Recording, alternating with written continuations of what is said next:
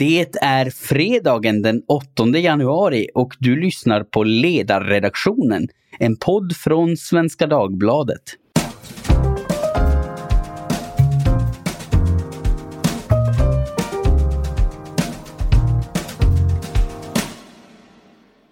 Jag heter Jesper Sandström och idag ska vi framtidsspana lite inför 2021. Titta närmare på vad vi tror eller hoppas, eller hoppas men inte tror om året som kommer. Med mig för att göra just det så har jag inte mindre än fyra illustra kvinnor. Tove Livendal, hej Tove! Hej Jesper! Maria Ludvigsson som äntligen är tillbaka på redaktionen. Hej Maria! Hej och äntligen säger jag också! Lena Andersson, författare och återkommande skribent här hos oss. Hej Lena! Hejsan hejsan! Eh, och så ännu en gammal bekant stämma som brukade höras lite oftare här i podden förut. Ingen mindre än Lydia Wåhlsten, numera verksam vid Timbro. Hej Lydia! Hallå hallå! Ja, och innan vi drar igång med avsnittets huvudinnehåll så har chefen några saker att berätta om, så jag lämnar med varm hand över till dig, Tove. Ja, men tack. Jo, men idag kan vi nämligen berätta att vi tar nästa steg i vår utveckling av den här podden. Och tack vare lyssnarnas tillit, tålamod och lojalitet så har poddandet blivit en självklar del av det vi gör på ledarredaktionen. Så från och med den 1 februari kommer Andreas Eriksson att ansluta till SvDs ledarredaktion för att vara redaktör för just podden. Tanken är att han ska ge den ett tydligare format och göra oss ännu bättre, mer koncisa och lättillgängliga. Och eh, när vi då ändå är inne på det här med goda nyheter så kan vi också berätta att du Jesper fortsatt kommer att producera podden och också programledaren en gång i veckan.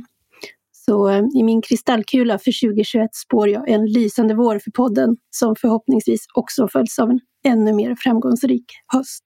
Vi hoppas att eh, lyssnarna instämmer i att det är en glad nyhet att jag kommer harva här lite oftare. Men spännande nyheter. Kanske blir vi med tiden ännu lite trevligare att lyssna på. Nå, en sån fröjd att ha er här denna årets andra fredag. Eh, upplägget för dagen det är sånt att vi har ju valt varsitt ämne som vi tror eller hoppas att vi har att se fram emot under 2021 eller tycker att vi borde prata mer om eller skriva mer om eller undersöka i större detalj. Det var så mina instruktioner till er såg ut. Så vi gör så att vi presenterar varsin grej och sen diskuterar vi det som har lagts fram utan att vara överdrivet rädda för att halka in på eventuella intressanta sidospår.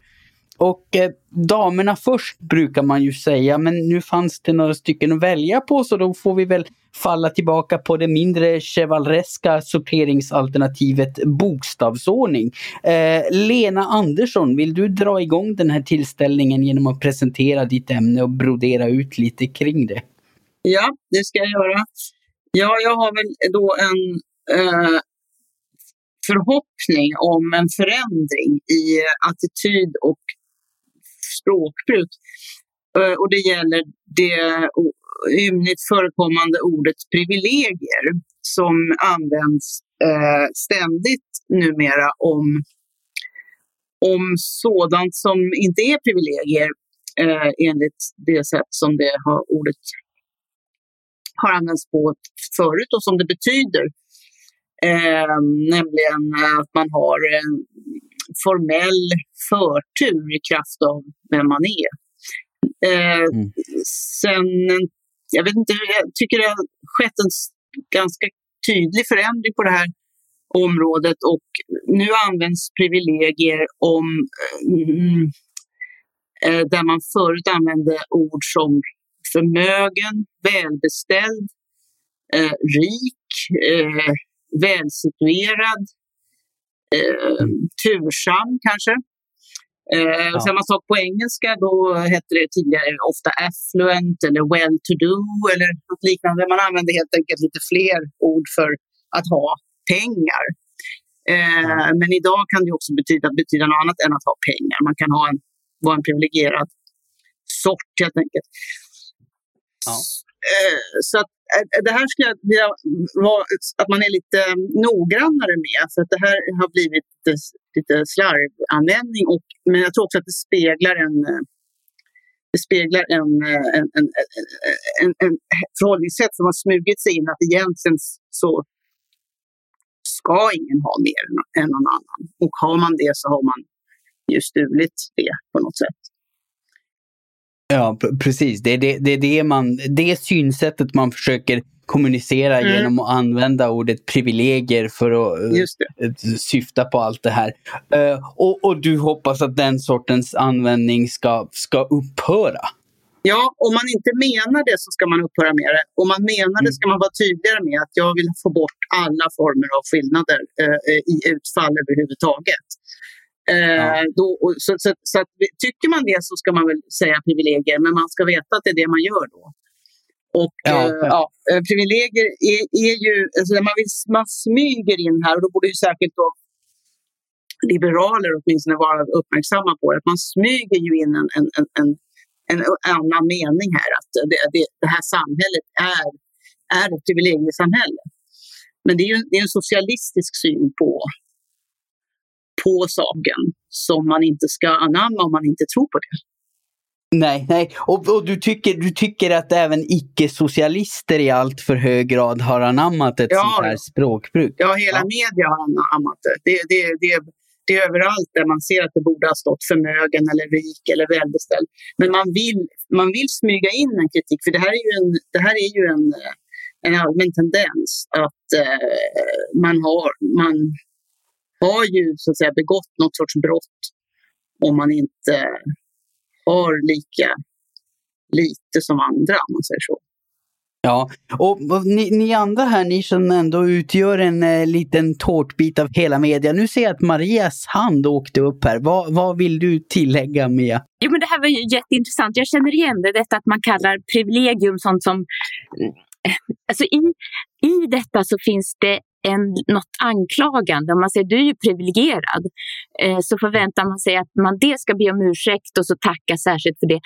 Och av detta kommer också i, i det, liksom det socialdemokratiska tanke eh, systemet så kommer härav också slutsatsen att därför måste vi på något sätt omfördela. Så allting som är, om det då hade med rikedom att göra så tycker man att det ska också omfördelas. Man problematiserar mer rikedom än fattigdom till exempel. Därför att rikedom kan man då omfördela så blir det mer rättvist. Problemet är ju redan det kan jag tycka är ett problem. Men det blir ännu mer ett problem om man börjar prata om lite grann som det Rawls inne på när han säger hur vi borde organisera samhället. Att man ska först fördela alla godor eh, som om man inte visste vilken person man en dag kommer att bli. Eh, eh Problemet med det är att det finns ju massa olika goder. Det finns begåvningar och hur ska man reglera det då? Om någon är väldigt bra på att spela piano, väldigt musikalisk, är den då privilegierad? Då ska man då säga att det är inte riktigt rättvist. Du får hålla tillbaka din begåvning och så ska vi dela ut den lite till andra så att allting blir lika. Så det finns liksom en totalitär syn på vad vi får för gåvor med oss som inte alltid är eh, förvärvade utan som kan vara av födsel, att vi får olika talanger och olika begåvningar. Ja, precis. Och jag, jag, ska halka in lite på det, hur konstigt äh, ordet används och vad, vad, vilka underliga slutsatser man kan landa i på grund av det. Men Tove, även du har räckt upp din hand här. Vad... Ja, alltså jag jag håller med om tankarna men däremot så jag sitter genast och rannsakar mig. Jag tror att jag använder ordet lite då och då för jag, det är typiskt ett sånt där ord som är lätt att stava fel. och jag vet att jag brukar gå in och titta på det. Så jag, jag måste nog gå tillbaka till mina texter och se jag använt det. Men jag tror att jag har nog mer använt det, om man liksom tänker på synonymerna som finns till det så är det ju liksom Eh, då är, det, då är det nog mer utifrån det här att man är liksom i en lyckligt lottad position, att det var någonting som uppkom, inte på grund av att någon har gett en fördel utan för att ja, slumpen eller vad det nu var ledde dit. Eh, så att, och det är klart, tittar man på motsatsorden för privilegierad så blir det då missgynnad och åsidosatt. Men jag tror att jag har själv använt det för att uttrycka allmän glädje över mitt eget tillstånd. Man känner sig privilegierad och med det menar, man då in, menar då jag inte att jag har fått gå före någon kö eller har fått mig eh, orättfärdiga fördelar men att det har liksom väldigt mycket lyckosamma eh, saker har, hamnat i min väg. Så att jag tror att Ja. ordet har, har en bred användning. Ja, men det är Ja. sant. Det har ju använts så också även, även tidigare länge. Det har det gjort och det, det är oproblematiskt. Och det, det, man ska inte förbjuda ord och sådär. Eh, det vore ju dumt. Men, men det har förskjutits till eh, att eh, kantra åt det här andra hållet. Det används också mycket mer, tror jag, än tidigare. När man använde andra synonymer för. Ja, ja precis. Man, man använder det ja, men just för att understryka den här betydelsen av att det, det, det, det, finns någonting som borde omfördelas. Men det, där... ehm, Kan man inte Alltså- se det på precis andra sättet då? Att vi har börjat använda det här, eh, som jag skulle säga, bredare begreppet privilegierad. För att vi har förstått att rikedom inte räcker då för att förklara olika eh, skillnader i samhället. Och rent politiskt är det en återvändsgränd, precis som ni har varit inne på. För det går ju inte att fördela eh, begåvningen att spela piano som Maria tog upp. Så egentligen så kanske man kan säga att man använder det här begreppet privilegierad för att den tidigare ekonomiska analysen inte räcker till. Man kan ju tänka sig Ja. också att det är, att det är ett, ett, ett, eftersom vi lever mycket i känslans tid, att man menar att man känner sig privilegierad. Och, och att det är det du talar om Tove. Mm. Att, att man känner sig som att åh, så här bra kan man verkligen ha det så här bra. Eh, och det är en känsla. Man menar ju då inte att man har fördelar som är på grund av vem man är. Eh, Men teoretiskt skulle ju också alla kunna vara privilegierade i ett samhälle vid en given tidpunkt jämfört med annat samhälle i en historisk tidpunkt. Så det finns ju ingen begränsning i hur många som kan... Jo, men, men, då, men då menar du att privilegierad betyder bara att ha det bra.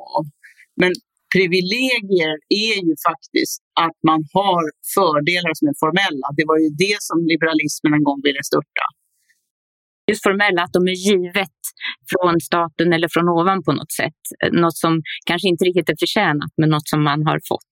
Men så används det ju inte längre, utan nu som, som ofta i kanske framförallt mediala sammanhang, att man ska beskriva en speciell grupp. För vi tycker om att diskutera grupper och då är det en grupp som är privilegierad. Och med den, när en, an, en annan grupp inte har detsamma, då är den underprivilegierad. Så det liksom finns en väldigt precis. stark motsättning här i. Men jag tänkte på en annan sak när Tove beskriver att hon har eh, kallat sig privilegierad och, och det kan man verkligen få göra ibland. Men det, vi kanske blandar ihop det med ordet tacksamhet för det är också någonting som är lite känsligt. Så där. Man säger, du, vad, vad tax, en del säger vad tacksam jag är som får de här sakerna och då finns det alltid någon som tycker du ska inte behöva vara tacksam, det självklart ska du, du har rätt till det här. Som att tacksamhet är någonting underdånigt, någonting som man nästan står med mössan i handen. Det finns också någonting i, i vår samtid där tacksamhet, man ska inte säga så tack, utan det är självklart ska jag göra, jag har mina rättigheter. Det är en rättighet att ha jobb, vi ska skriva in det i konstitutionen nästan. Så ett syn på att man kan inte få saker att vara tacksam för, utan jag har rätt till det. Nej, nej precis.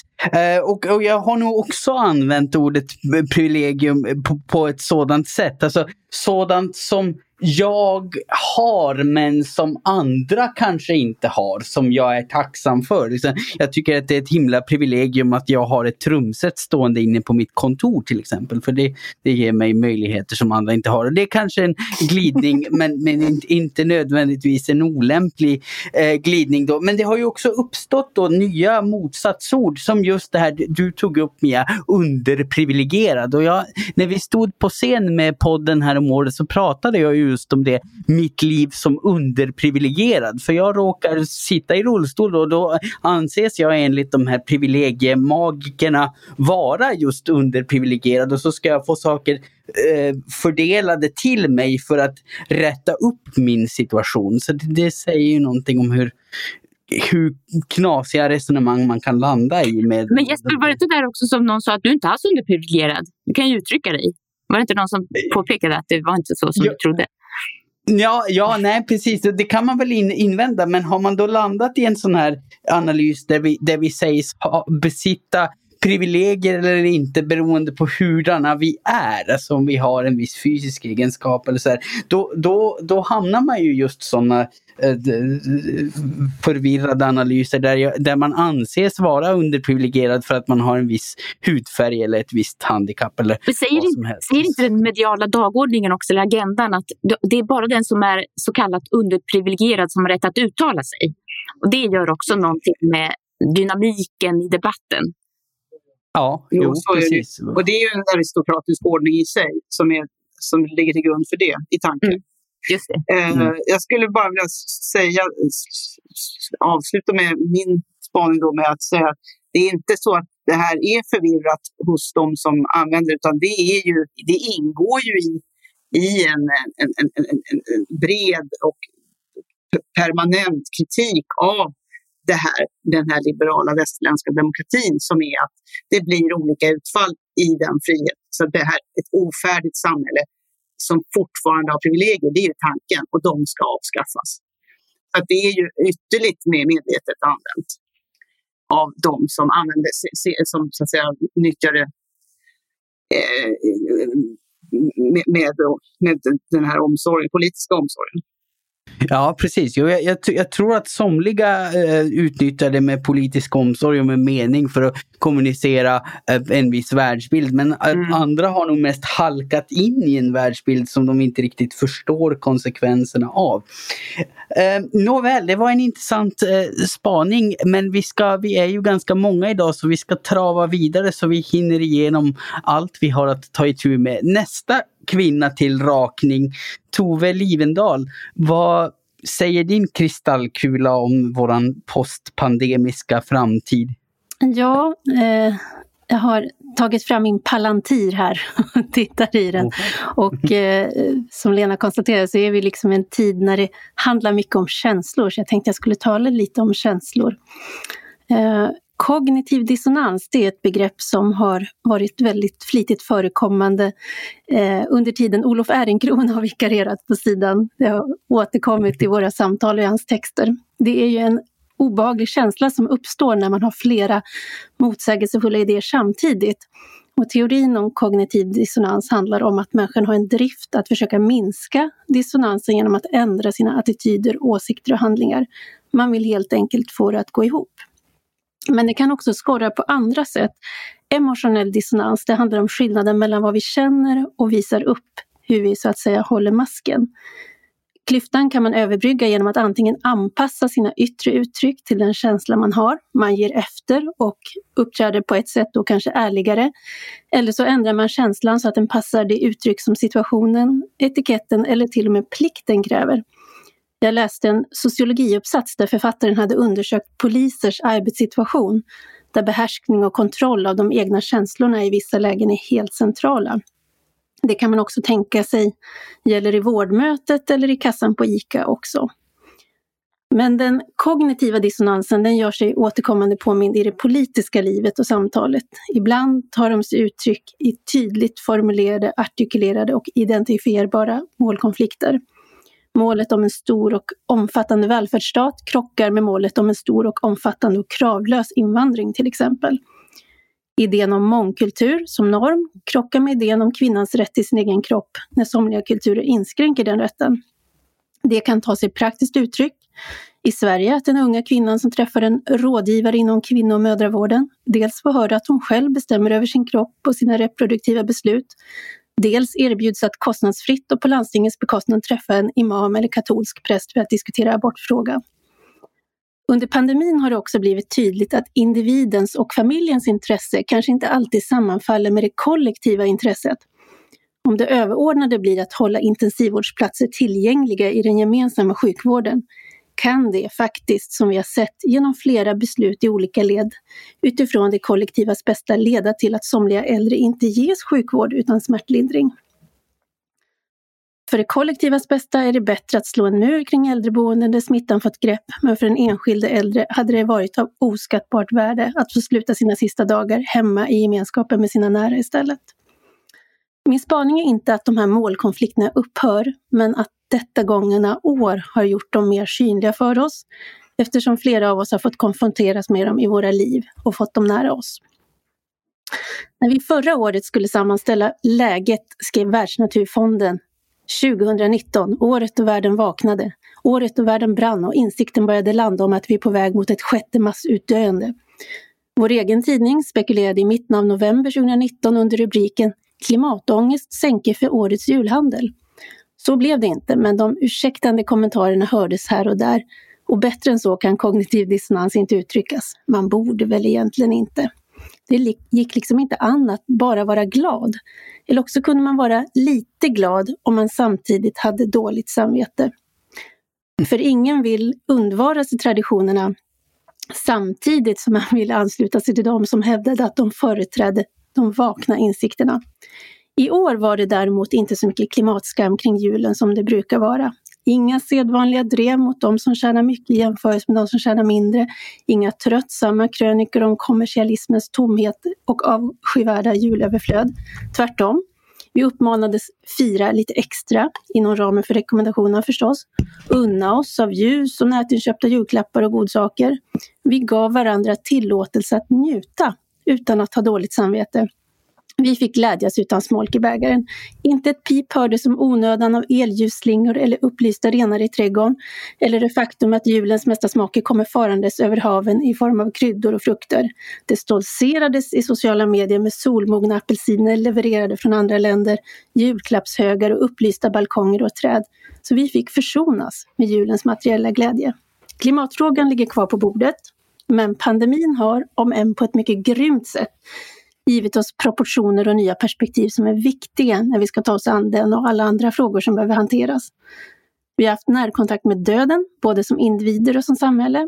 Och som optimist inför människans förmåga att lära och utvecklas tror jag att det här kommer vara till nytta för oss när vi ska fortsätta bena i de här motsägelsefulla idéerna, målkonflikterna och frågeställningarna som kan vara rätt komplexa.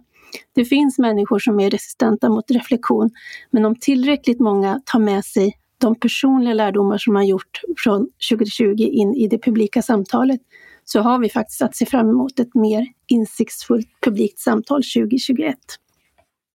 Så du tror att, att eh, liksom, de illustrationer av den här dissonansen som har uppkommit, eh, att de leder till att folk faktiskt är, är mer medvetna om att vi, vi har sådana här dissonanser inom oss? Ja, jag tror att vi har givit oss lite mer vi har givit oss lite mer utrymme.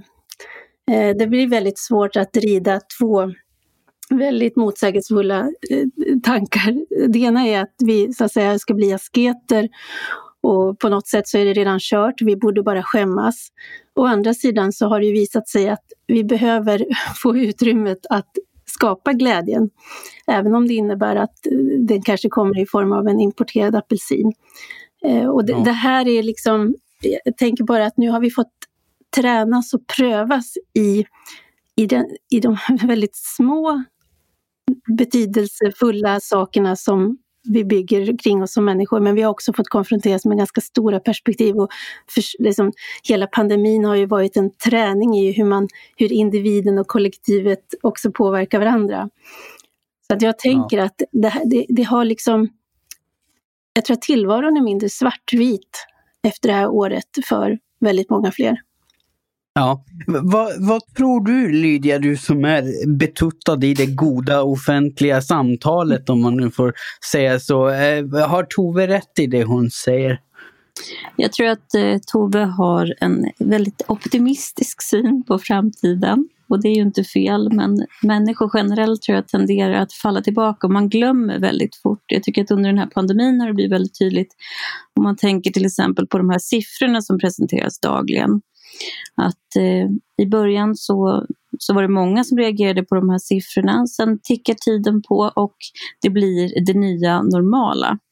Jag hoppas att den här tacksamheten som någonstans vilar under här, att när man köper en kaffe och kan ta en promenad med en vän så känns det otroligt mycket mer värdefullt. Att värdeskalan har förskjutits liksom inåt och närmre en själv, att det kommer stanna kvar hos oss. Och jag tror också det här som Tove säger att vi kommer få kanske en mindre svartvit bild. Både ja och nej får man väl säga där också. Så om man ser då på den, hur den här debatten har förts så har ju snarare den här tribalismen verkligen frodats. Och om man ser då till exempel på USA, ni minns kanske att Donald Trump stängde ner väldigt tidigt och då var ju Demokraterna väldigt mycket emot det här. Och sen så bytte han perspektiv och sa att nej, vi ska försöka hålla samhället öppet. Och den här lojala flocken som Olof Ehrenkrona skriver om i Svenskan idag, den följer liksom efter även om, om positionen har förändrats helt och hållet. Så det finns ett väldigt stort behov hos oss att, att liksom hitta den gruppen som vi tillhör. Och eh, det är möjligt att det på marginalen har förändrats. Eh, jag hoppas att Tove har rätt.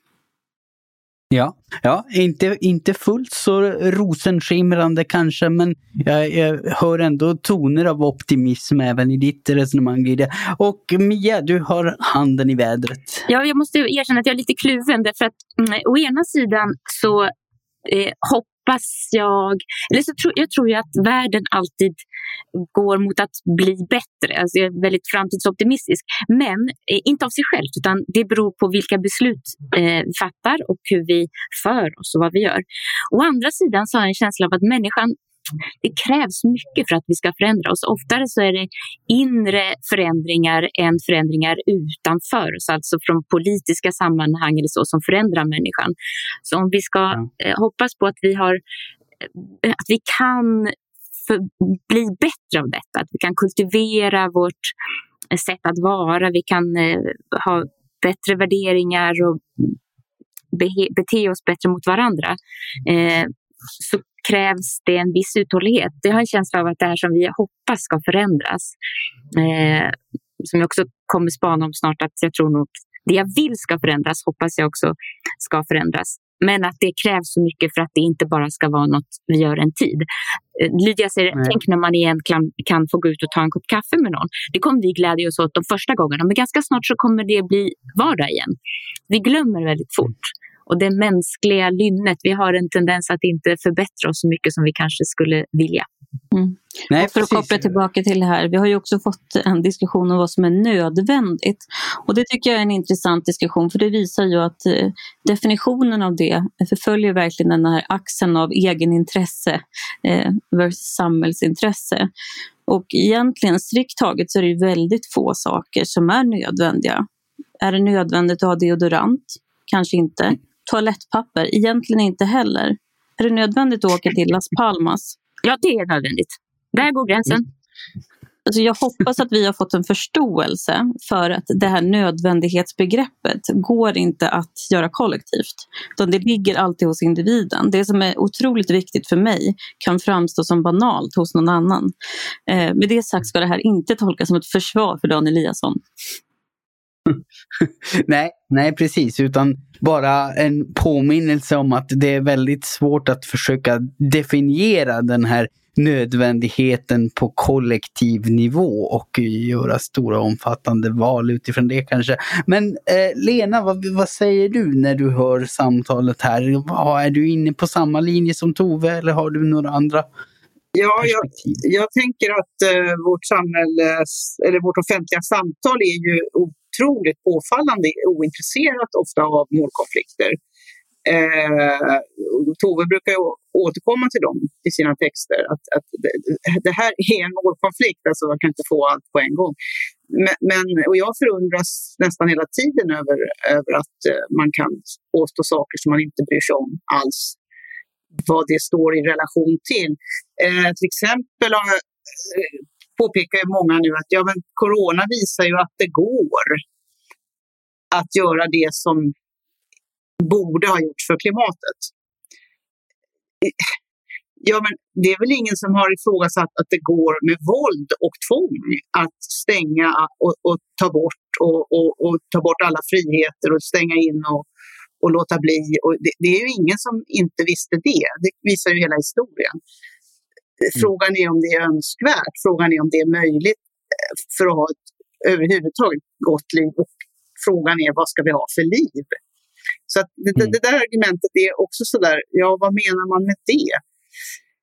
Eh, så att de här målkonflikterna, dels måste man ju ta, benämna dem oftare och diskutera för egen del och inte bara att man själv tar upp något och så tar någon annan upp motsatsen. Man kanske kan själv benämna vad, vad, vad det som man säger står i konflikter. Eh, mm. så, att, så, att, man kommer någonstans intellektuellt. För det är där vi står, att man står och skriker ut i varsin megafon men, men tar inte ansvar för målkonflikterna alls.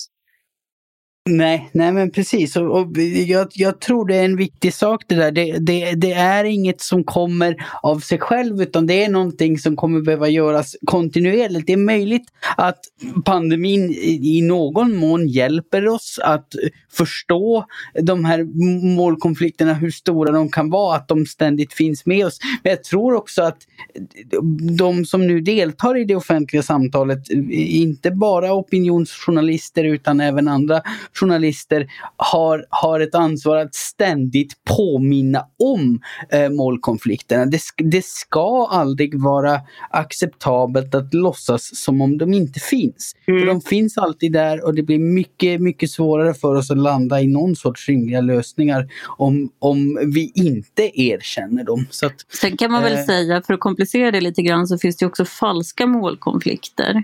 Och eftersom man gärna mm. vill ha dikotomier, hjärnan älskar ju dikotomier. Vi har ju haft en ganska knepig diskussion om det här med ekonomi och pandemibekämpning. Där då några ekonomer har gått mm. ut och sagt att den här avvägningen ser inte ut som man spontant tänker sig. Och då blir det riktigt svårt upplever jag. Så, så att vi ska komma ihåg också att det finns falska dikotomier. Ja, ja, precis. Allt som man kan tro är en målkonflikt är inte nödvändigtvis det. Och det kan vara frestande att ställa upp det som så just eftersom vi älskar dikotomier. Vi älskar svartvithet. Två enkla val som vi kan som ställa oss och lagtävla kring. Nåja, det var en intressant spaning det också. Eh, eh vi, vi, får se, vi får se hur det går. Eh, som i de flesta andra frågor. Eh, men vi ska vandra vidare här. Eh, Maria Ludvigsson, tredje i denna bildningsresa från A till W. Eh, vad, vad ser du fram emot? Vilken mer eller mindre välgrundad förhoppning eller farhåga tänkte du baxa ut i strålkastarljuset? Mm, det finns en sak som jag eh, hoppas och önskar mer än något annat. Det är att våran, den här erfarenheten av att det var framförallt gamla människor, som vi, ett kollektiv som vi lite slarvigt kallar de äldre, eh, att de kommer att eh, talas om och tänkas på och ses som något annat än bara just ett homogent kollektiv. Eh, det, det, verkar som att ganska många ändå är, är både överraskade och förfärade över hur vi egentligen hanterar våra äldre. Och det här är någonting som vi är ganska många som har skrivit om det och debatterat det under en längre tid. Men det hamnar alltid i, så fort man pratar om äldreomsorg, om eh, demensboende, om eh, äldreboende, så handlar det plötsligt om att detta är först och främst någons arbetsplats. Eh, men det är det inte. Varje ställe som det bor människor på är först och främst någons hem. Där har vi ett, en syn på hemmet till de som är äldst som om det just vore en angelägenhet främst för fackföreningsrörelserna. Jag, jag hoppas att det, med den här erfarenheten av att det var framförallt de, just de äldre som råkade illa ut och som fick ta de hårdaste smällarna av pandemin, att det gör att vi tänker på dem på ett annat sätt att det är de som är med oss på utflykterna. De får plats vid vad vissa kallar vårt, vid vårt vardagsrum, men varför inte vid middagsbordet? Eh, att vi också har, får en, eh, en syn på äldre människor som något som vi kan lära oss någonting av. Det här har ju också lite grann hör ihop med vår historiesyn, att vi tror att vi kan slänga bort det av historien som vi inte gillar, som om vi inte har någonting att lära. Det som är gammalt och det som var från förr i tiden är inte så intressant. Vi klappar dem lite på huvudet vad de och, och säger oss. Det finns också parallellt med detta en infantilisering av språket. Jag tycker att jag hör runt mig ganska ofta föräldrar som pratar med sina barn fast på barnets vis.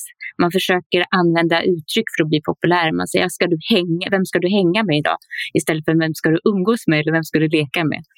Eh, man har också en, en tendens att ta upp uttryck från ungdomarna och säga att det var fett bra det där.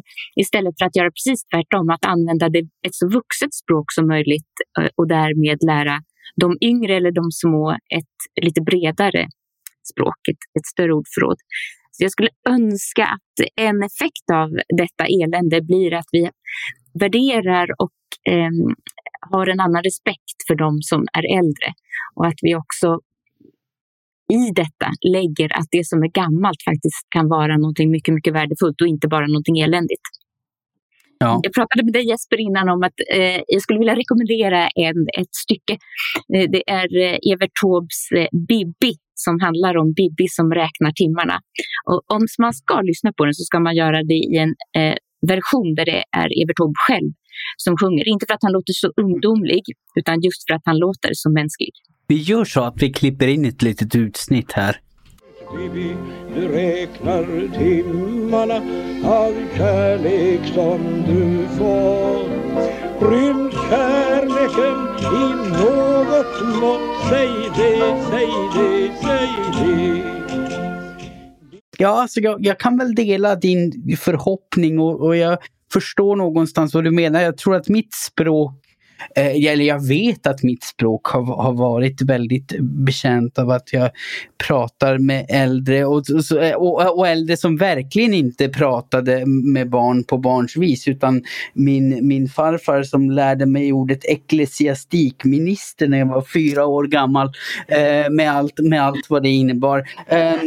Så jag, jag, jag, kan dela din förhoppning så samtidigt så är jag inte riktigt lika säker på att det att det går åt det hållet. För jag tycker tyvärr att samtalet om de äldre under pandemin, det har fortsatt vara något ganska mekaniskt. Något som liksom, liksom, det här, det här är det, det köttberg vi har att göra med. Vi måste ju se till att de inte dör i, i o, o, o, eh, orimligt hög grad för då får vi ju tråkig statistik. Men man pratar fortfarande väldigt mycket om dem som en homogen problemgrupp. Så jag, jag, vet inte hur hoppfull det har gjort mig. Men Lena, du räcker upp handen, ser jag. Ja, Nej, jag, jag håller med Maria om allt hon säger, utom eh, förhoppningen om att detta skulle kunna vända av det här.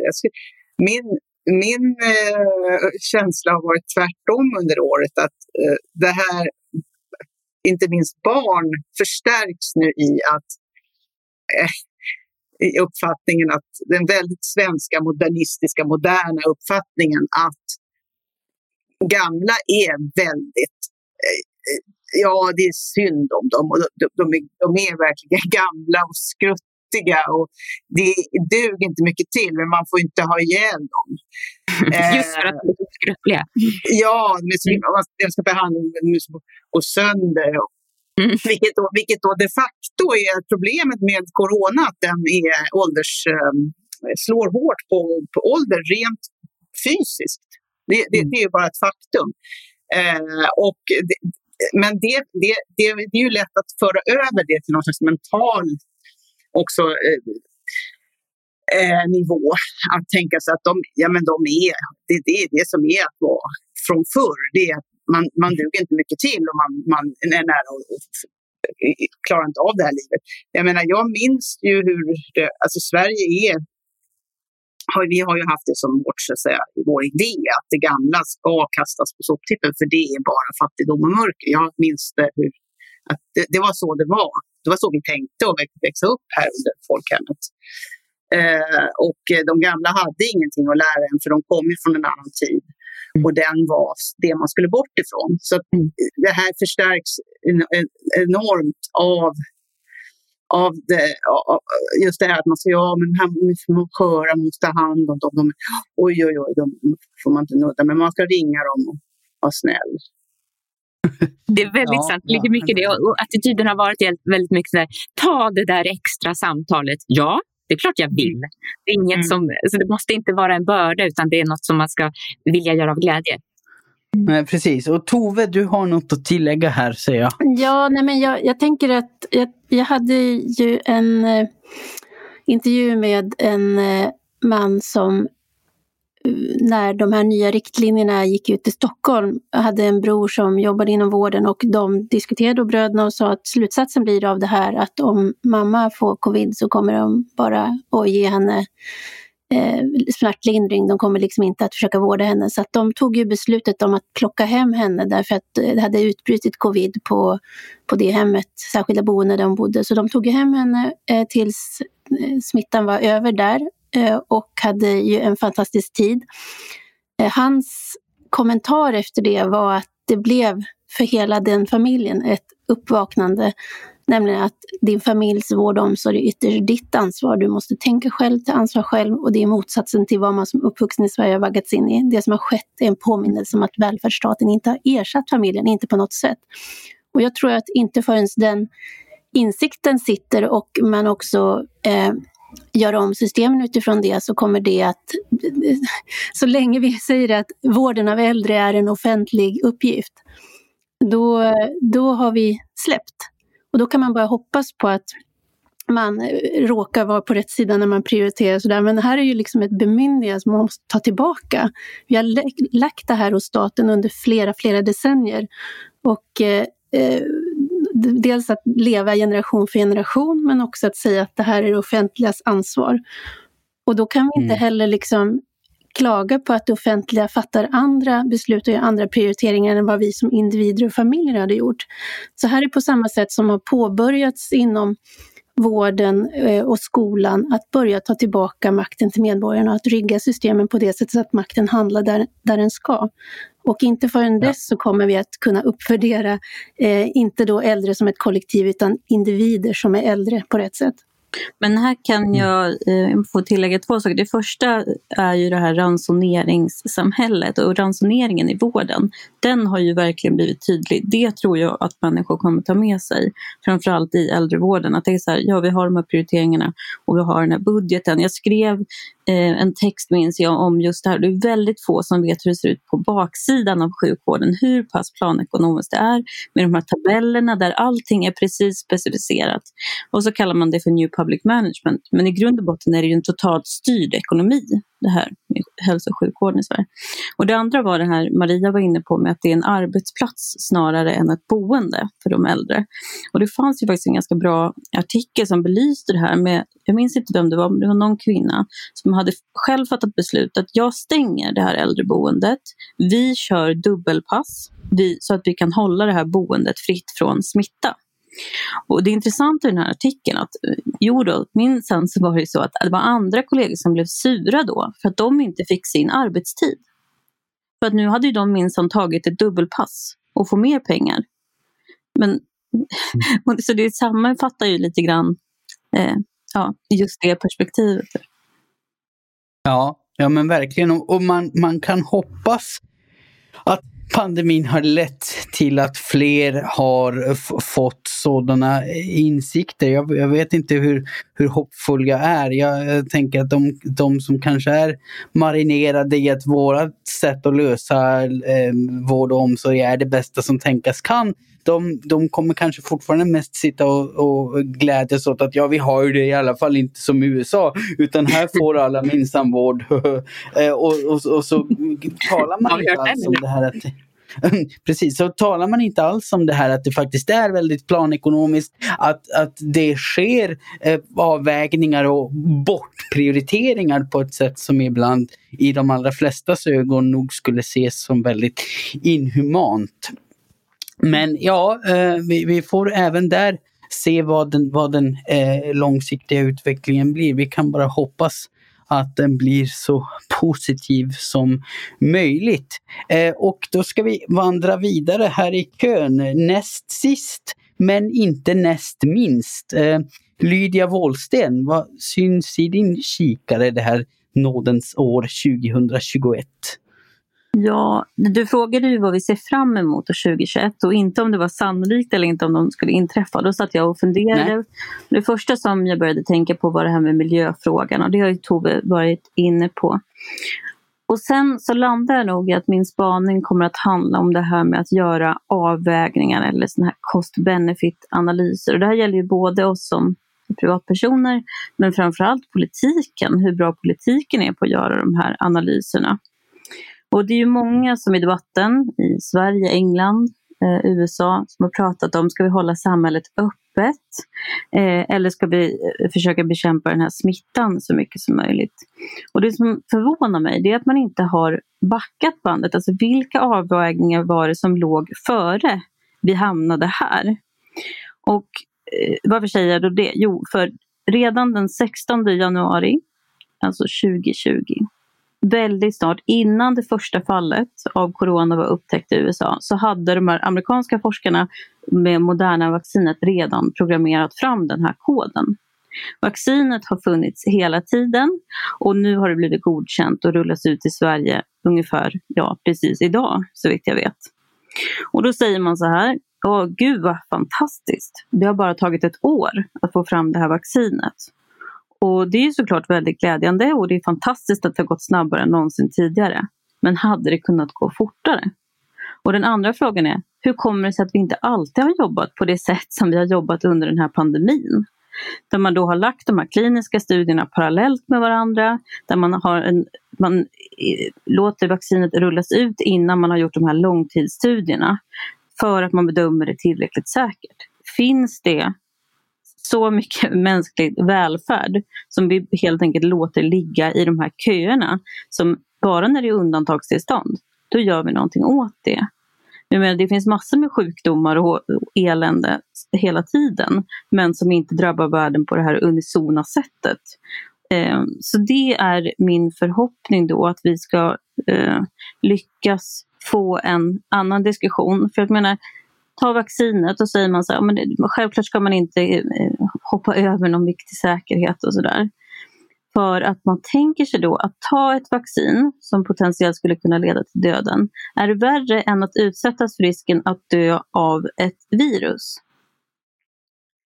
Vi mm. tillåter mm. människor att själva ta risken som det innebär att kunna få det här viruset. Men vi låter inte människor göra samma sak när det kommer till vaccin. Och det här är en väldigt intressant eh, frågeställning för att vaccinet bedömer man helt och hållet för sig. Man ställer inte det mot vad liksom det alternativa läget egentligen är. Och det här handlar ju om Nej. massa olika saker. Det handlar ju kanske framförallt om att man eh, ja, man litar inte på människor, det är liksom grund, grund, grundproblemet. Men eh, det andra är ju att man ekonomiskt också är ganska dålig på att analysera konsekvenserna av saker. För att mm. den potentiella vinsten som hade legat i att få ut det här vaccinet snabbare är ju enorm. Oh. Um, så min eh, förhoppning är helt enkelt att vi kommer bli, eh, få en annan syn, syn på det här med eh, cost-benefit-analyser som gör att vi ser över, gör en hel översyn över hur den här eh, administrationen egentligen har, har fungerat och vad det går att göra annorlunda. Och sen är ju människor skeptiska. Det här är ju ett inbyggt problem då i, i, eftersom att utvecklingen går snabbare, rent tekniskt, medicinskt. Samtidigt blir människor skeptiska om det går för fort. Och det ser vi nu att det är mer vaccinmotstånd än vad det hade varit annars. Och här finns det ett enormt ansvar att försöka förklara hur, hur kan det gå så fort? Ja, precis. Och bara för att, exempl ja, jag ska bara exemplifiera då det här med eh, vaccinet. Dels så finns det ju Dels så har det tagit ett år, vilket är mycket snabbare än annars. Men sen, eh, det finns forskare som säger att man hade kunnat få ner det till tre månader utan att kompromissa med säkerheten. Eh, mer än vad man har gjort idag. Och jag skrev en, eh, eller jag intervjuade en genetiker på Harvard som heter George Church. Eh, det är ju min roligaste intervju tror jag för att han har en massa spännande idéer. Men eh, han då har tydligen tagit ett vaccin som är ett do it yourself-vaccin. Och då funkar det så att man blandar ihop alla de här ingredienserna i en nässprayflaska. Och så sprayar man det. Och det här är en liten, liten community av forskare som då har använt det här. De har ingen aning om effekten, men han bedömde det som säkert. Och hans motiv var precis det där. Min, jag menar, han menade då att risken är inte idag kalibrerad för den risk som alternativet, det vill säga pandemin, innebär. Eh, Nej. Och det handlar ju mycket om teknik. Jag kan inte det här i detalj, men de här nya virus eh, eller vaccinen är ju utformade på ett annat sätt eh, som då ska vara mindre skadliga. Liksom, det är inbyggt i tekniken att de har mindre komplikationer. Va, vad hade krävts, för att bara fråga, från de tre månaderna? Vad hade krävts för det? Ja, jag minns faktiskt inte riktigt vad det var som hade krävts. Jag såg bara att om man hade gjort... Eh, jag tror att det handlar mycket om de här kliniska studierna teoretiskt skulle kunna göras mycket tidigare, även innan man har producerat vaccinet på något vis. Att man ska tidigare lägga hela processen. Um, så. Så ja, det var... Men det, mm. Ja, det, det här tycker jag är väldigt intressant. Det här att, att vi, för det låter ibland på vissa som att ja, men det är väl ingen fara att ta det väldigt långsamt, ta det väldigt eh, varligt och, och akta oss med vilken utveckling vi vågar hänge oss till. Men det har ju också en massa negativa konsekvenser om vi avstår utveckling vi skulle ha kunnat ha. Det är ju en pedagogisk utmaning därför att ja, men vi är ju inbyggt skeptiska mot det nya och mot sånt som går för fort. Men det är en sån där truism som man slänger sig med, att, eh, att man inte ska låta det gå för fort. Eh, Nej precis, utan att kvalificera varför. Liksom. För det är inte inneboende eh, farligt att det går fort. Det kan tvärtom vara just farligt och dödligt när det går långsammare än det borde. Mm. Men sen så i anknytning till det där då, så måste jag säga, nu har jag börjat arbeta på Timbro. Och liksom inom den liberala rörelsen, jag är väldigt besviken faktiskt på att man inte har formulerat en mer offensiv liberal agenda under den här pandemin. Som handlar om just det här, hur, hur kan man få utvecklingen snabbare? Utan istället har man sagt att man ska hålla affärerna öppna. Det där blir, då faller man tillbaka till det att business as usual is good enough. Men business as usual kanske inte är good enough. Och om man knyter tillbaka till Lenas det här liksom eh, att alla är privilegierade och, och, den rörelsen som, som verkligen pushar för den typ av synsättet som leder till en viss typ av jämlikhetspolitik, den behöver ju kontrasteras mot någonting. Men, men om business as usual är vad det kontrasteras mot. Jag upplever att det blir ganska andefattigt och jag tycker att det är tråkigt eh, att det är så. Eh, men jag hoppas att det kan, kan bli mer sån diskussion kanske efteråt. Sen, jag måste få prata lite till för att min andra del av den här spaningen då.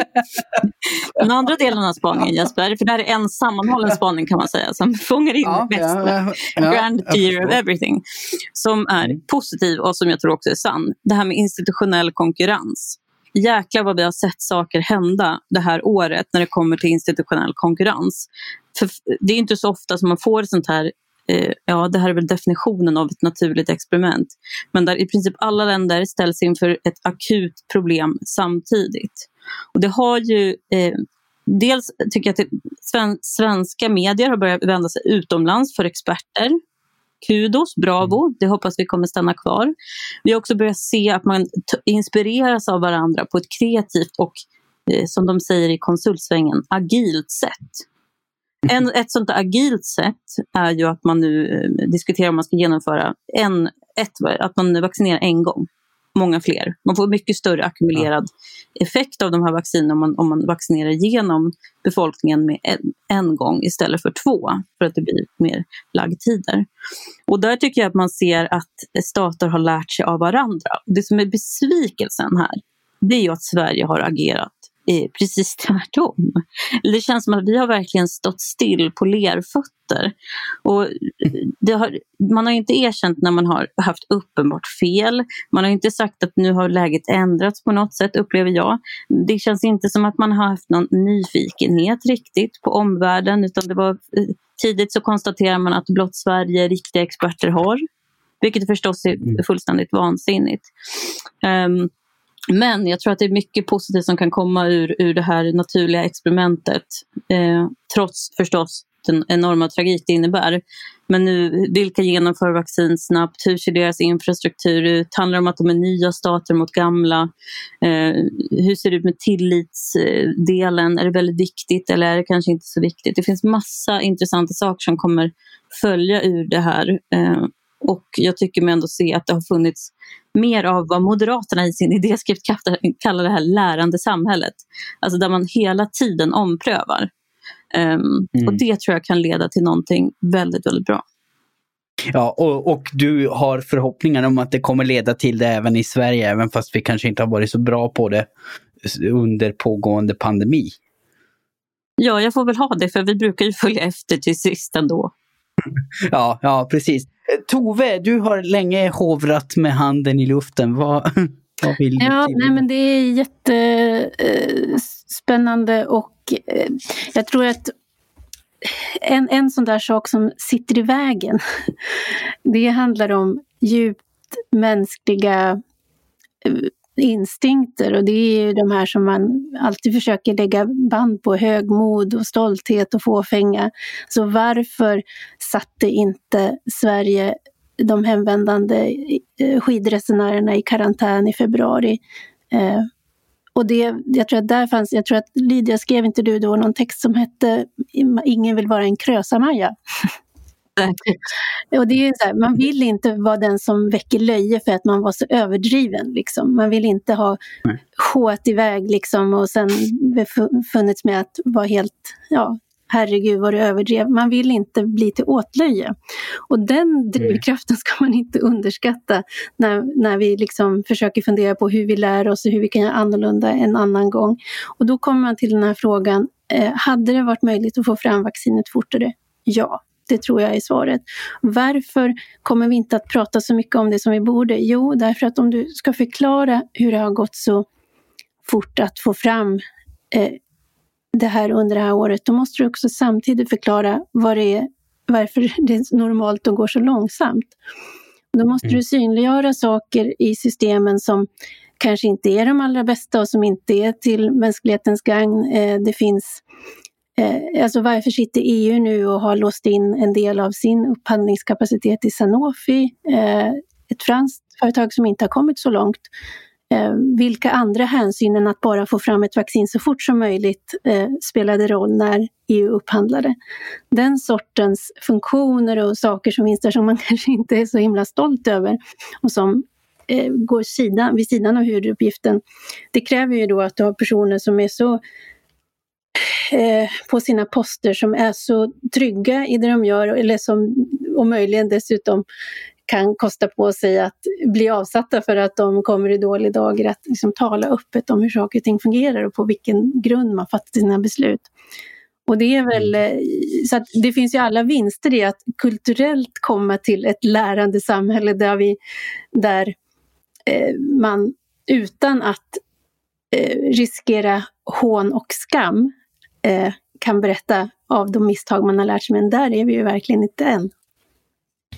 Nej, nej precis. Och det, det sitter nog djupt det här att tillstå misstag för, för de allra flesta av oss. Och vi får väl se hur långt vi lyckas komma där. Men det, det är bara... Men, men det som är så ohederligt i det här, det är ju att man, det, när det framstår för all, eller alla, alla liksom, vanligt fungerande personer ser att det har skett en stor omsvängning. Men det är ingen som säger att det har skett en omsvängning.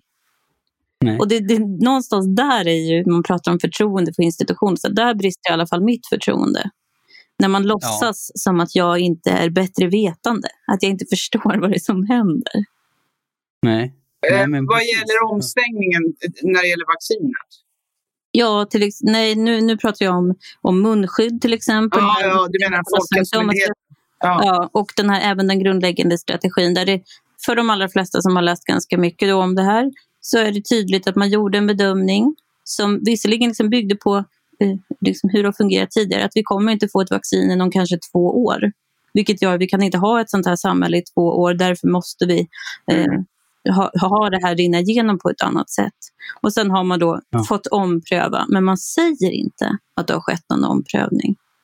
Nej, det är otroligt. De har, ju haft, de har haft fel på varenda punkt och sen säger de inte det. Eller säger vi visste inte bättre förut. Det var vad vi visste vid den tidpunkten, säger de då. Ja, ja precis. Ja, men, ja, men just det här att inte erkänna när man gör en oms omsvängning, inte tala om varför man gör den omsvängningen. Det är så smärtsamt att se, för det, det känns lite grann som, som en alldeles för nära repris av hela migrationskrisen när den kom. Att liksom ena veckan var det mitt Europa bygger inga murar. Nästa vecka var det mitt Europa måste bygga massa murar fort som fan. Och ingen, ingen talade ens om hur den processen hade sett ut. Så det är, det är lite enerverande minst sagt. Men, mm. men ja, som sagt, vi, vi, kan väl bara hoppas att vi eh, lär oss mer utav det. Lena, jag ser att du räcker upp din hand. Ja, nej, jag tänkte bara ge en liten kommentar kring det här med skyndsamt vaccin och, och väga saker mot varandra. Eh, det finns någonting i oss och, och i, i, oss människor och jag tycker ändå att man ska vara lite uppmärksam på det. behöver inte vara rätt det som finns i oss, men man kan ändå lyssna, se, titta på det. Som är någonting att vi accepterar på något sätt naturkatastrofer mer än än vi accepterar något vi själva har gjort fel. Alltså det är alla, all död är inte samma. Eh, men tänker en, en, en renodlad utilitarist tycker ju att till exempel att det är biltrafik är mord därför att vi vet att 400 personer kommer dö. Och vi tillåter ändå biltrafik. Men, men vi, vi, vi, gör ju skillnad på olika, vi kan undvika, vi kan göra så, vi har ändå en frihet att. Så att vi, det är inte så att man bara kan rakt av jämföra. Eh, för vi har också en inbyggd skepsis mot att vetenskapen kan ju vara eh, helt värderingsfri ibland. Att säga att operationen lyckades men patienten dog. Alltså den kan ha an, ett annat värderingssystem. Så vi, vi ska väl vara lite skeptiska ändå till eh, sånt som vi själva hittar på. Försiktigt skeptiska. Samtidigt som man skulle se det som en balans, ett balansbräde så, så menar jag då att det är väldigt många som befinner sig långt ute på den här eh, försiktighetsgränsen. Och en intressant sak som jag läste också, det handlar om det här med riskaversion. Ni kanske läste Andreas Bergan skrev en krönika i DN om att det här med pandemin egentligen handlar om människors risk bedömning av risk och vilken risk man tar mm. för sig själv. Det intressanta är att det handlar också om vilken risk man är beredd att ta åt andra. Så att om beslutet kunde ligga mer hos en själv, vilken risk är jag beredd att ta? Snarare än att man, man föreställer sig då det här eh, kollektivet så skulle vi få en mer liksom, korrekt syn på var vår eh, riskbedömning egentligen ligger. Och det leder ju till, det är helt rätt att man, man ser annorlunda på om man flyger flygplan till exempel, där man inte kan kontrollera situationen eller om man dör i en mm. bilolycka. Vi, har, vi mm. ser mm. väldigt olika på olika typer av, av död. Um, uh, ja. Men här har det, under pandemin så har det ju varit eh, det, det, tror jag ganska många har fått brottats med, att dels fundera över risken för egen del. Eh, och eh, där har det ju varit så att vi, har ju, vi försökte ju snabbt se, finns det några tydliga indikationer på vilka är mest riskgrupper? Och sen har det dykt upp människor som inte alls överensstämmer med det. Man har insett att vad man själv bär med sig genetiskt kanske också spelar roll. Så att för egen del så har det ju funnits skäl att, att inte ta så lättvindigt på att utsätta sig för det. Jag ska erkänna, i början när det sades att ja, men det här är inte värre än en rejäl influensa, då tänkte jag att ja, men en rejäl influensa klarar jag så att jag är inte rädd för egen del. Men sen, och sen dök det här med den asymptomatiska smittan upp som blev ytterligare en faktor att du kan vara smittsam fastän du själv inte har några symptom. Och vad innebär då, det då? Och sen i förlängningen har vi kunnat se att att eh, det kan också få, då, eller det har fått till konsekvens att väldigt mycket annan väldigt viktig sjukvård skjuts upp med också en, där räknar också ett, ett ett, ett räkneverk så att säga för de dödsfall som blir av uppskjutna cancerbehandlingar och sådär. Så att det har ju funnits en det har ju steg för steg uppdagats också konsekvenser. och Jag tror kanske inte någon i början av pandemin hade möjlighet att, att titta på alla de olika scenarier som finns. Men där tänker jag att om vi kunde utifrån det vi har lärt oss nu ta med oss det inför en annan kris eller annat scenario som uppkommer och bli bättre på att också hjälpa till att tänka i, i flera led framåt. Vad kan bli konsekvensen av olika utfall? Eh, den sortens kunskap som vi har tillägnat oss under tiden nu, den får vi ju inte tappa bort. Nej, nej precis. Vi, eh, vi, vi kan hoppas att den bidrar till, ja, som vi har återkommit till här nästan propagandistiskt, ett eh, lärande samhälle. Och vi får väl göra vad vi kan för att påminna om just det jag tycker du ska ge oss en eh, eloge också att vi inte har pratat om populism en enda gång. Men det är en spaning kvar. Tänk så befriande. Precis.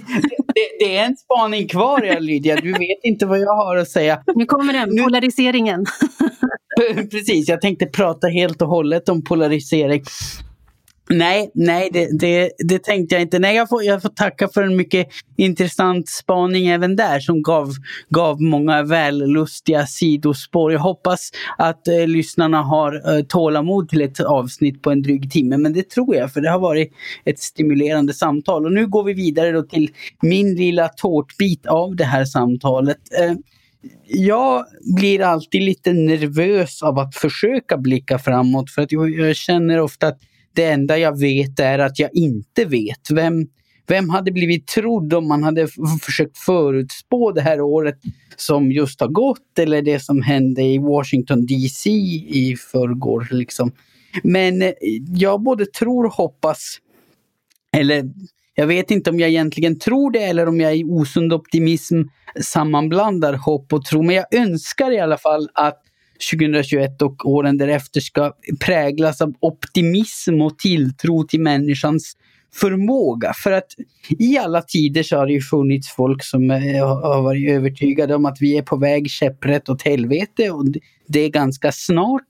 Eh, det har siats om överbefolkning och svält och om ungdomens förslappning och fördärv och nu på senare år om eh, klimat och miljökatastrof. Och vi har ju alltid stått inför problem av mer eller mindre allvarlig art. Men gemensamt för de som har sagt att just de här problemen kommer att bli våran undergång, det har varit att de de har liksom antagit att den mänskliga anpassningsförmågan är, om inte noll, så i vart fall bra mycket sämre än den sen har visat sig vara. Och det är klart att vi skulle ha fått massvält om vi bara hade blivit fler människor utan att samtidigt bli bättre på att producera mat.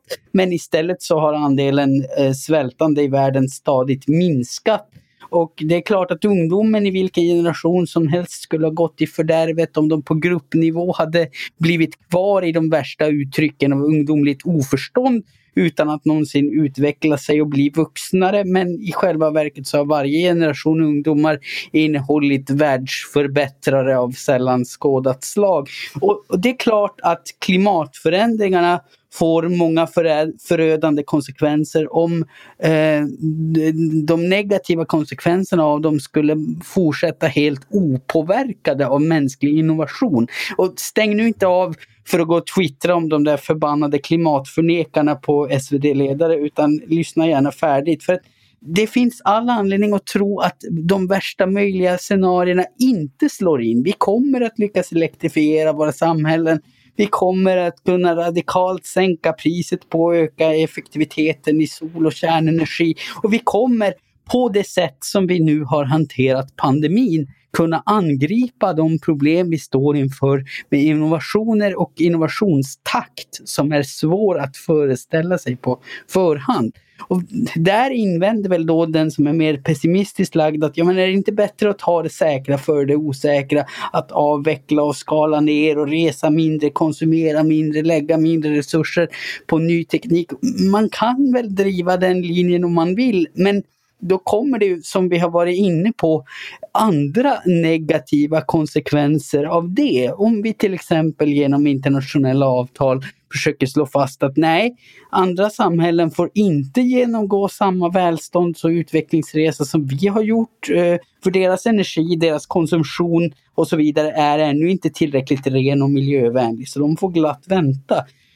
Eh, så tänk om vi för säkerhets skull skulle ha avstått stora delar av den utveckling vi haft bara sedan jag kom till världen för dryga 30 år sedan. Vilken oerhört mycket fattigare och sämre värld vi skulle ha haft då. Så jag hoppas kort sammanfattat att vi lämnar den här pandemin bakom oss med stärkt tilltro till mänsklig innovations och problemlösningsförmåga och att den optimismen kan värna oss från de som med pessimismen som vapen vill detaljstyra våra liv i allt högre grad.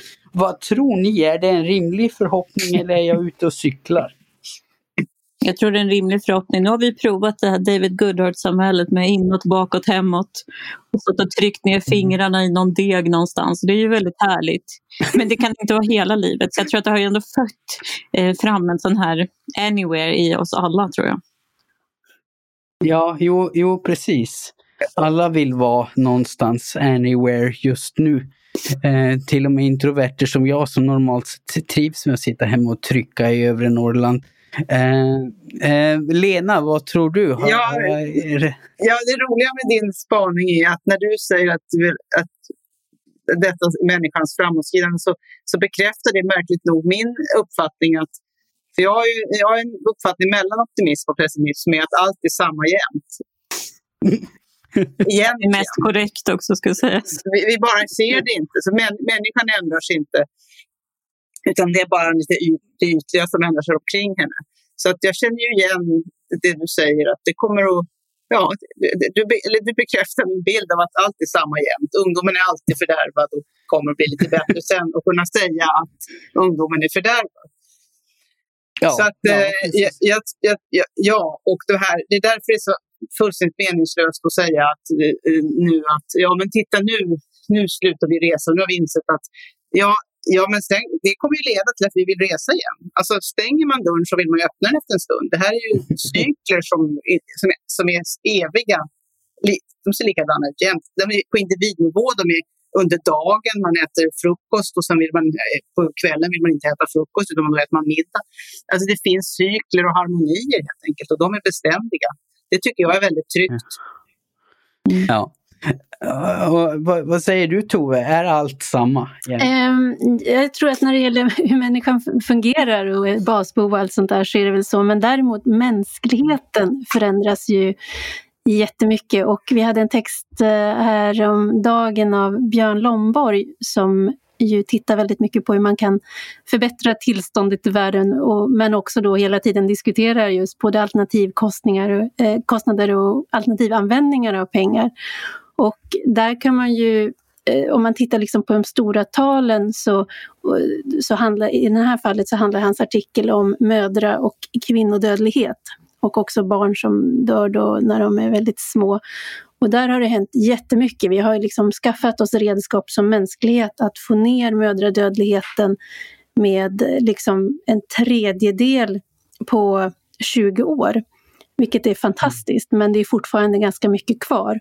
Och här är vi ju nu, jag med, där får man väl ta med sig den här just enorma eh, hävet som vi gjorde under det här året med då pandemivaccinet. Att det, här finns det liksom vi har på bordet uppgifter om hur man kommer till rätta med detta, hur man löser det och vad det skulle kosta. Så då blir det mm. liksom väldigt konkreta frågor, ska vi göra det eller inte? Ska vi fortsätta ja. eh, låta, var förra året så var, dog 2,4 miljoner barn under sina första 28 dagar i livet. Det behöver inte vara så och vi har redskapen inom räckhåll. Vi har också resurser till det om vi vill det. Så frågan är, ska vi prioritera det istället för att ja, eh, göra mycket av sånt som vi vet kanske inte har någon effekt. Så den sortens uppfordrande eh, möjligheter har ju mänskligheten som helhet skaffat sig. Ja, jo men precis.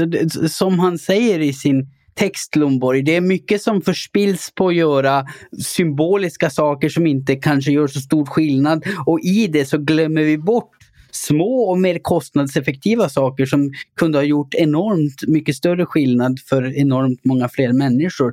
Eh, att, Ett exempel på det, för att koppla tillbaka, det var ju Paul Romers förslag om att man skulle ha en massiv testning, alltså en total supertestning. Det var ju aldrig något land som provade den modellen, utan det man provade var lockdown. Mm. Så, och det är ju väldigt tråkigt. Det är typ sånt där exempel. Det hade varit relativt sett väldigt billigt men ingen hade liksom prövat det tidigare och ingen tog riktigt tag i det. Ingen klev fram som den här pandemins Churchill. Och det har verkligen förvånat mig. Man säger ju ofta inom mm. public choice och så här, det, när det är krig och så, då ska politiker verkligen ta tillfället i akt. Och en mm. intressant sak är väl att vi kanske inte riktigt har sett det. Varken åt det positiva eller negativa hållet i, i bred omfattning. Nej. Riksdagen röstar all... idag om pandemilagen när vaccinet redan rullas ut. Liksom. Ja, nej, alla, alla kanske satt hemma utan byxor på sig så ingen vågade kliva upp i talarstolen. Um, Mia, va, ja nu ser jag att din hand har åkt upp Mia. Va, va, ja. Vad har du att säga mm. om min spaning? Ja, men, eh, mycket klokt och, och jag, är också, jag är också åt det här hållet och jag tror ändå inte att folk blir bättre. Men det är lite väl pessimistiskt för det beror ju också lite, det beror ju väldigt i högsta grad på vilka ideal vi har. Och de kan vi också påverka och vara, alla, alla är med och mm. påverka vem, vem är hjälten på arbetsplatsen eller i klassen eller i gemenskapsgruppen. Alltså, vad, är, vad har vi för ideal? Och det, det förändras ju och kan vi vara med och påverka. Och I det mm. sammanhanget, så det kommer spela, ideal spelar roll för hur människan utvecklas men också för hur mänskligheten utvecklas. Och där får man väl säga att vi har gått mm. till det bättre. Eh, och i, det, i, i, samma diskussion så kommer jag in frågor om hur sker detta då? Eh, då skulle man kunna tro att jag som religiös säger att alla måste tro på Gud annars blir det inget bra. Men, mm. men det, det jag hellre vill komma till är väl det här mm, Necessary but not sufficient. Could be all. Mm. Det, det, det, handlar om bildningsideal och hur vi ser hur vi använder oss av kulturen, att vi låter oss att vi, att vi vill kultiveras, att vi vill utvecklas och att det kan aldrig någonsin komma eh, liksom, ålagt oss utifrån utan det måste komma av en inre ansträngning. Mm, så, så mänskligheten blir aldrig bättre än vad var och en av oss eh, har förmåga att eh, förfina eller förkovra eller utveckla. Nej, nej precis. Och, och jag menar, jag, jag, kan väl också, jag känner mig alltid lite kluven eh, mellan allas uppfattningar eh, när man hör... Är du folkpartist? ja, jag har ju varit ja, det en gång i tiden. Jag var ung, ung och dum. Eh, men inte längre i alla fall. Eh, nej men alltså, jag kan väl till del hålla med om att nej, det är inte så jättemycket som förändras. Det är mycket i det mänskliga som är konstant. Men samtidigt så kan vi genom att göra vissa skillnader i hur vi agerar så kan vi nå väldigt olika resultat. Liksom de, de länder som har valt eh, fri marknad och kapitalism kontra de länder som har valt socialism. Nordkorea och Sydkorea för att ta det allra mest groteska exemplet kanske. Så det är mycket som är samma men, men det är också mycket som kan vara annorlunda och, och det är viktigt att påminna om att vi kan nå väldigt långt genom att göra sånt som kan framstå relativt litet eh, på ett annorlunda sätt. Det kan, det kan ha en avgörande skillnad för hur saker och ting utvecklar sig och, och jag tror ju som kronisk optimist att det på det hela taget då ändå blir, blir bättre. Eh, Nåväl, då har vi då klarat av våra ämnen och huvudinnehållet för det här avsnittet. Men vi måste också minnas att det är fredag och med det så kommer den traditionella fredagsfrågan. Har ni någon aktivitet ni vill råda till eller avråda från till våra lyssnares upplysning och glädje? Tove, vad säger du? Ja, eh, i väntan på att vi får umgås i större flockar så skulle jag ändå råda till att stoppa ner fingrarna i den där degen som Lydia har tröttnat på. Eh, det, det är mitt råd, baka något gott till helgen. Stoppa ner fingrarna i degen, ja det låter bra. Mia, vad säger du? Ja, då får, då får jag, då, alla tar vi våra käpphästar. Jag säger läs en god bok. Ja, ja okej. Okay. Inga, inga omdömen om vilken god bok? Nej, det är upp till var och en. Ja, okej. Okay. Yes. Eh, eh, Lydia, vad mm. säger du? Ja, det man ska göra är att göra någonting eh, med händerna så att man kan tänka bättre. För man tänker som bäst om man gör något mm. och då, det man ska göra då det är att eh, gå ner till sitt förråd, titta in där och liksom rannsaka sig själv. Vad är det som händer här? Eh, Aha. För att när det är kaos i det yttre så är det väldigt skönt att ha ordning i det inre. Och det finns ingen ursäkt. Under en pandemi, när man inte får göra någonting annat, då är tiden för att rensa ut. Eh, jag tycker att man ska ha mycket saker, men man ska ha eh, saker som man faktiskt eh, tycker om och vill ha kvar. Eh, mitt ideal är att man ska kunna resa som på 1800-talet med hela sitt bohag egentligen. Det är ju liksom välstånd. Minimalism behöver inte vara trevligt. Men att, att liksom ha de saker som man tycker om och inte en massa andra saker, det tror jag är en väldigt bra helgaktivitet. Och det har jag gjort och fortsätter att göra eh, löpande här. Ja, Ja, men det, det, tycker jag låter som ett gott råd. Jag är också en, en varm anhängare av, av uh, den. Men man, man behöver inte ha lite saker, men man behöver ha rätt saker uh, för att bli en lycklig människa. Lena, vad säger du? Jag hade tänkt säga till Maria, läs en bok, men då säger jag istället titta på filmen Cold War. Jag tror den ligger på SVT Play faktiskt. Jag såg den här om dagen. Eh, en polsk film eh, svartvit som utspelar sig under kalla kriget. Eh, den är inte alls vad det låter som. Vä väldigt, väldigt bra.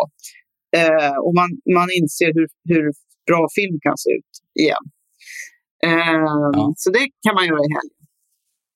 Ja, ja men det, det var också en, en god rekommendation. Um, och eh, ja, nu får ni höra vilket tråkigt och förutsebart liv jag har. Jag ska göra det jag har gjort de senaste veckorna, slå på mina trummor och skriva på min bok. Eh, och jag har precis genom den internationella frihandelns försorg fått hem ett gäng amerikansk-turkiska symboler utvecklade av ett företag med 400-åriga vanor levererade direkt hem till dörren. Så jag tänkte unna mig lite mer mjukt levererad kultur bakom trummorna för en gångs skull. Och jag ska också i fortsatt framtidsoptimistisk anda klämma in ett kulturtips. George Harrisons sista musikaliska tv-framträdande 1997 med låten Annie Road. Jag klipper in ett litet smakprov här sen och den finns på Youtube för den som vill ha mer. You may not know where you came from may not know who you are. May not even have wondered how you got so far. Som han sjunger här, You may not know where you came from, you may not know who you are, you may not even have wondered how you got so far. Det är lätt ibland att glömma hur långt vi faktiskt har kommit och varför vi har kommit så långt. Ja, men med det sagt så säger jag stort tack till de fyra fantastiska damer som har burit upp detta långa avsnitt. Lydia Wåhlsten, Lena Andersson, Maria Ludvigsson och Tove Livendal.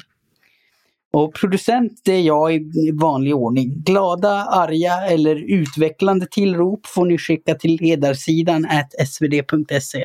Ta hand om er och vänta med andakt på vaccinet om ni inte redan har fått det så hörs vi snart igen. Och det obligatoriska tjatet förstås, recensera oss på Apple Podcasts. Tack snälla på förhand. Trevlig helg!